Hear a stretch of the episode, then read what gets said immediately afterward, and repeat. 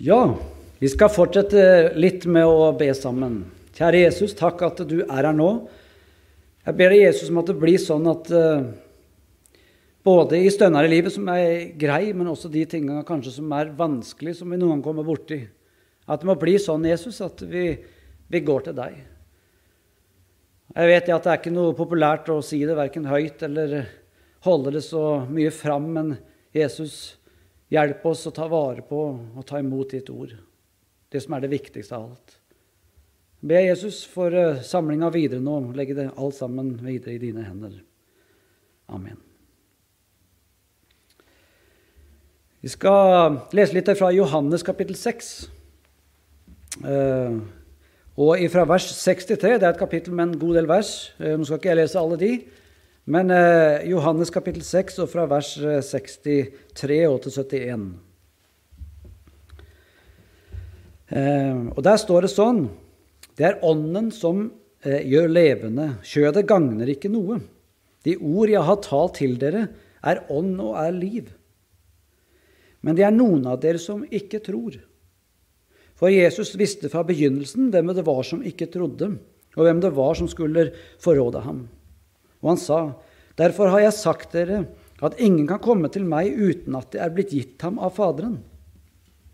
Etter dette gikk mange av hans disipler, eh, trakk mange av hans disipler seg tilbake og gikk ikke lenger omkring med han. Jesus sa da til de tolv, Vil også dere gå bort?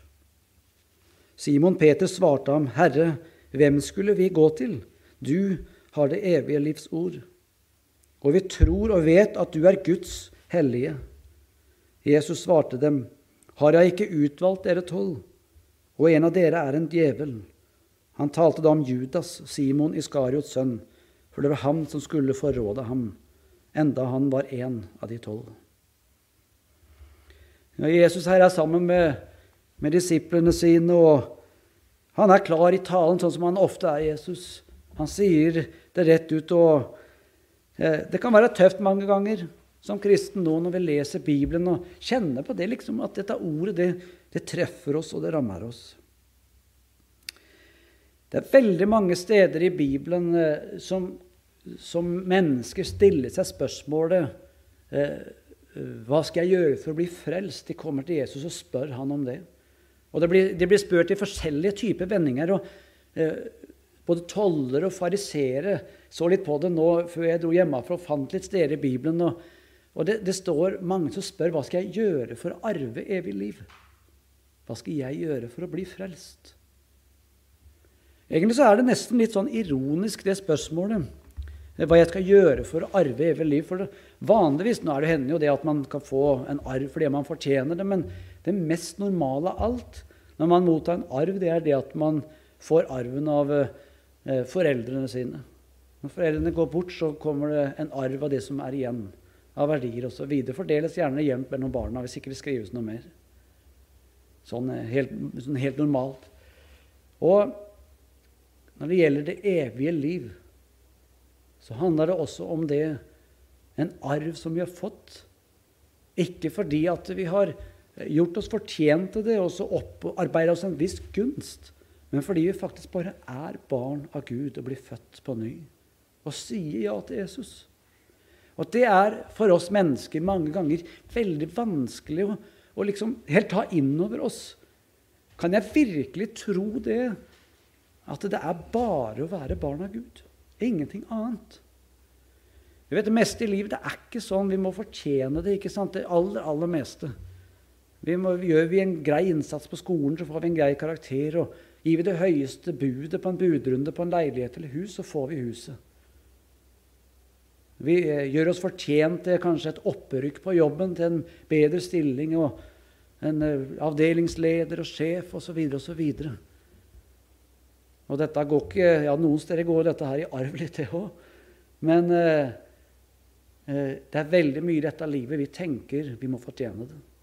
Og Det er ikke så rart når vi ser for oss Gud i himmelen, og han skriver til oss i sitt ord om at vi har synda imot ham, og de tanker, ord og gjerninger. Så det er ikke så rart å tenke det at eh, Kommer jeg til himmelen? Er dette her egentlig noe for meg? Eh, kan det gå godt for meg sånn som jeg lever mitt liv? Og så er jeg så glad for at Bibelen snakker om at det handler om å være barn av Gud. Det handler om å si ja til Han og få lov å bli frelst. Hva skal jeg gjøre for å arve evig liv? Vi leste her i, i vers 64.: Men er noen av dere som ikke tror? Og på dere som lytter i kveld også, så sitter det sikkert noen bak skjermene som ikke tror. Og kanskje sitter noen her, og det vet ikke jeg, som ikke tror. Det med Jesus det har ikke fått kommet inn i ditt liv. Det har ikke blitt en del av ditt liv. Og For mange så handler det om at nei, jeg vil ikke tro på det. Jeg har ikke, noe, har ikke lyst til å ha noe med det å gjøre. Og Jeg har møtt så mange mennesker i mitt liv som har et kanskje litt sånn ambivalent forhold også. Altså de, de syns ikke det er noe særlig dette med kristendom osv. Men når, når, det kommer motstand, når ting er vanskelig, når du sitter her aleine, når ting har gått skeis på det ene og andre området, så begynner en å tenke litt. og Du verden hvor mange som folder sine hender og ber til Gud. Selv ateister. Har jeg hørt om mange. Det er noen av dere som ikke tror, og en som ikke vil tro. Og Jeg håper du som sitter her inne, og du som ser bak skjermen nå, jeg håper du vil tro på Jesus. Han som har gitt deg livet, og han som døde for akkurat deg. Og han sa derfor har jeg sagt dere at ingen kan komme til meg uten at det er gitt ham av Faderen, står det. Etter dette trakk mange av hans disipler seg tilbake og gikk ikke lenger omkring med han. Og nettopp det, når du hører budskapet fra Bibelen, og du kanskje begynner å tenke hva, hva har det å si for livet mitt, så kan det være vanskelig. For vi mennesker vi har lyst mange ganger å leve i denne synda. Det er så mange ting som lokker og drar. Det er så mange ting som er forlokkende, som er moro. Og så kjenner vi det at det, dette var områder ikke jeg skulle vært i og tatt i del i, osv. Og så blir det for tøft. Og så velger man å vende Gud ryggen istedenfor å gå til Han. Jesus sa da til de tolv, vil også dere gå bort? Simon Peter svarte ham, Herre, hvem skulle vi gå til? Du har det evige livs ord. Vil også dere gå bort? Og vet du hva, akkurat i kveld så stiller Jesus deg også det spørsmålet vil også du gå bort fra Jesus. Når Jesus kaller på ditt hjerte og han vil ha med deg å gjøre, hva svarer du da? Vil du ha med Jesus å gjøre? Eller er det slik at Jesus, Gud i himmelen, ser ned på denne jord og ser akkurat deg, og det gjør han. Han ser deg nå i denne stund der du sitter eller står. Og så må han konstatere at også du går bort. Du ville ikke ha med han å gjøre. Jeg håper du er blant dem som sier ja til Jesus. For det handler om det evige liv. Det handler om Han som har gitt livet sitt for deg. Det er ikke sånn at selv om jeg er forkynner, så sklir det på en sånn måte at jeg aldri tviler, f.eks. Det er mange ganger i mitt liv jeg har liksom kjent på Tenk om ikke det er sant, liksom noe av dette her. Jeg har tenkt mange ganger, jeg også, som sikkert mange av dere, at kunne du ikke vist deg litt mer? Kunne du ikke Når vi har møte nå, kunne du liksom ikke, kunne du ikke kommet her nå og stått her, så vi kunne sett deg Jesus som en skikkelse? Og Kanskje du har tenkt det som meg noen ganger òg, at hvorfor gjør du det så vanskelig? Hvorfor gjør du det ikke lettere for oss å tro? Hvorfor skal vi tvile mange ganger? Hvorfor gjør du det ikke mer åpenbart? Og På dette området tror jeg det ligger mye som vi ikke forstår. Det er mye vi ikke ser. Og Jesus sier det at salig er den som ikke ser, men allikevel tror. Og Noen ganger så tenker jeg også på det. Hvis vi hadde sett ting sånn rett for øynene våre Det er ikke bestandig det er veldig overbevisende allikevel. Jeg er sikker på det om Jesus vi hadde se i morgen formiddag, og du går en tur ute, kanskje et sted som det er mange andre mennesker, og så plutselig skulle vise en skikkelse på himmelen og si at 'jeg er Herren Gud'. Det er jeg som er Jesus. Jeg vet ikke om det hadde vært sånn at det er en mengde av mennesker allikevel som hadde begynt å følge Jesus. For du vet, det er sånn som det er med mange ting. Vi blir skeptiske. Dette er sikkert noe hologram eller tryllekunstner som har gjort et eller annet, eller et eller annet. Det er ikke bestandig det hjelper for oss om vi ser ting for våre øyne. Men Gud i himmelen nå i denne stund, han ser til ditt hjerte. Han vet hvem du er. Han vet hvilket liv du har levd. Han vet når du har det tøft. Og så sier han, 'Kom, du som strever og bærer tunge byrder, for jeg vil deg hvile'. Jeg spurte søstera mi nå hvordan det gikk med henne. Hun har eh, akkurat fått kreft tilbake. Tre år eldre enn meg. Hun har hatt kreft i, i lever og galleganger. Og så får hun dette tilbake igjen. Så spør jeg hvordan det går. Vet du hva hun svarte? Hun sa det noe sånn som det at Jeg håper det, Martin sa, at uansett hvordan det går, så håper jeg det at jeg får være et vitne for de jeg jobber sammen med, sa hun. At de får lov å ta imot Jesus. Og så kan man til Hva er det for slags svar? Hvorfor svarte hun det? Jeg spurte hvordan det gikk.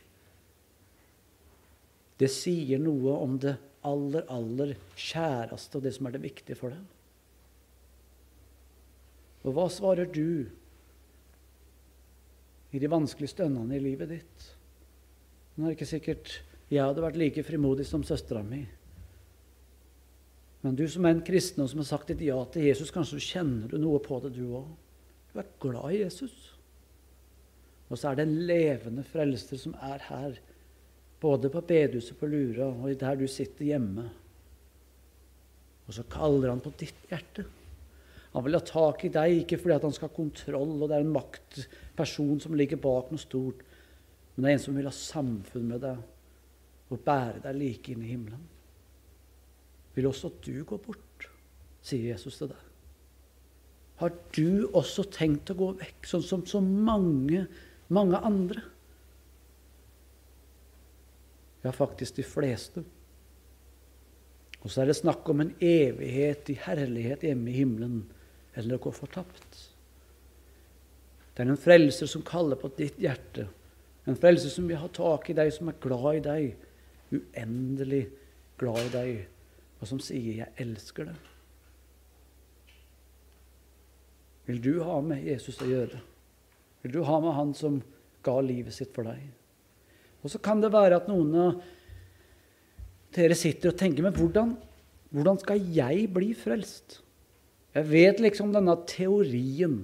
Jeg vet dette her at uh, i teorien så, så, er det mange ting her jeg kan sikkert gjøre, men uh, det er så mange ting som uh, ja, det passer liksom. Jeg er ikke typen. Det er mange som tenker det. Og liksom å endre på livet mitt og på den ene og andre måten. Ja, hva er det som gjør at jeg kommer til himmelen? Det står et vers om det i det andre Johannes brev. Og før jeg leser det verset, så skal jeg fortelle om en kar eh, og et ektepar fra Amerika. Dette ekteparet det, det hadde samla seg opp kunst for millioner av dollar. Det var malerier, kunstmalerier. Det var flotte, fantastiske skulpturer, det ene og det andre. Nå først og fremst malerier. Og så hadde de en stor farm i Amerika. der På denne farmen så hadde de hengt opp disse bildene. vet du. Det var ikke bare hovedhus, men masse sidehus på denne store farmen. Og Det var sikra godt med alarmsystemer og det ene og det andre. Og Det brukte dette ekteparet hele livet sitt på å samle seg opp mer og mer og mer kunst. Og det er mange som er bitt av den basillen nå. Jeg så en program nå på TV forresten om Stein Erik Hagen. Han har brukt mye av livet sitt på å samle opp mer og mer kunst. Kunstinteressert. Men i hvert fall dette ekteparet de hadde én gutt, enebarn. Og han var de jo selvfølgelig utrolig glad i. Og så blei mor litt redd, for at når gutten blei ungdom, så så ville han verve seg inn i militæret, i US Army. Og da blei jo mor litt redd. Jeg har også holdt mye på med krig og sånn i skauen da jeg var liten, men Denne karen her, han tok liksom enda lenger åssen han ble voksen. Ville skikkelig gjøre en karriere ut av det. Og så tar han og verver seg, og mor og sier kan du ikke finne deg et annet yrke. sier hun. Er det ikke noe annet du kan gjøre enn å begynne med dette greiene, her galskapen her? Nei, han var fast bestemt. Vet, han gikk jo inn og det ene og det andre. Og så skjedde jo det som mor var aller mest redd for, da, at han ble kalt ut til krig. Så var han ute i Afghanistan.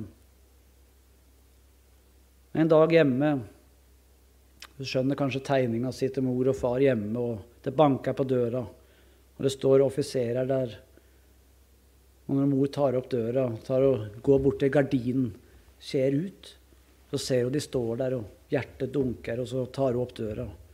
Og de kommer med budskapet at sønnen deres han er omkommet i krigen. Og mor og far var knust.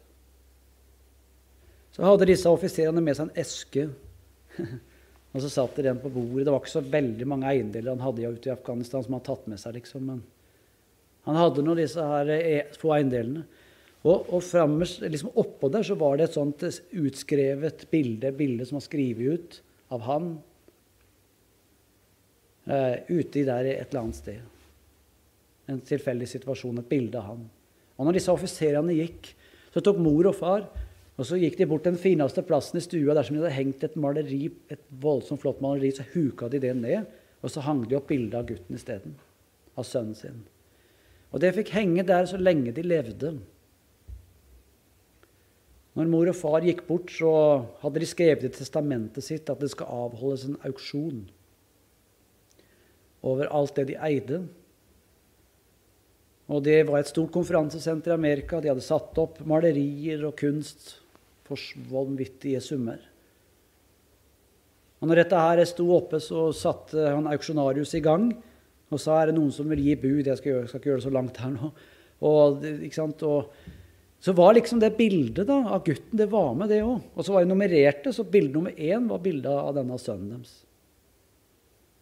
Og du vet, når folk kom bort der, de, hva, skal, hva, skulle de med det bildet? Det var jo for familien. Og, så de gikk jo forbi, så det fikk stå i fred. Men du vet, de så seg ut de fantastiske maleriene med kjente navn og gikk rundt og tenkte det må vi by på, osv. Når de satte i gang, så spør, spør auksjonarius er det noen som vil gi bud. Vi starter med bilde nummer én.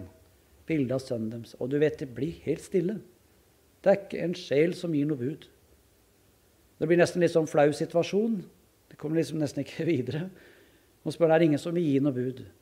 Og så var det en forhenværende nabo som hadde kommet inn bare for å kikke på helt nederst i hjørnet. Og så tar han forsiktig opp fingeren og så bytter han et eller annet ti dollar eller jeg vet ikke, et eller annet lite grann sum. Og Det var første gang, og han spør auksjonæren om noen som byr høyere. Nei, ingen. Og Så var det tredje gang, fortsatt ingen. Og så klubba ned. Da går bildet for ti dollar. Og så tar auksjonarius, klapper sammen alle papirene og legger i en stor haug. Og så sier han auksjonen er over, sier han.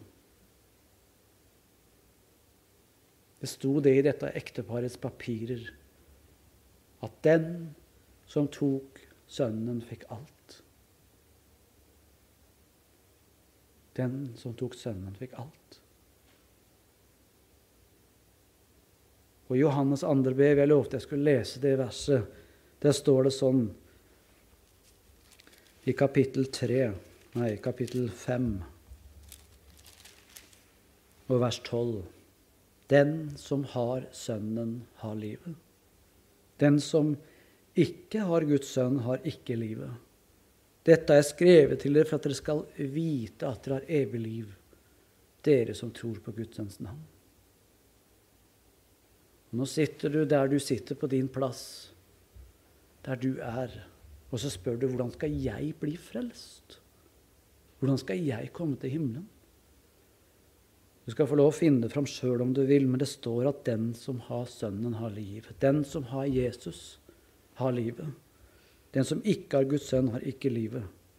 Og så skriver han dette er skrevet til dere for at dere skal vite at dere har evig liv, dere som tror på Guds sønns navn. Så der du sitter nå, så kan du si ja, Jesus, jeg trenger deg. Jeg vil at du skal være i mitt liv. Jeg vil at du skal tilgi mine synder. Jeg vet ikke, jeg strekker til, og jeg gjør idiotiske ting gang etter gang. Og jeg er ikke sånn som jeg skulle ha vært, og jeg tenker det ene og det andre. Men Jesus, kan du tilgi meg? Jeg vil ha deg i mitt liv. Den som har Sønnen, har livet.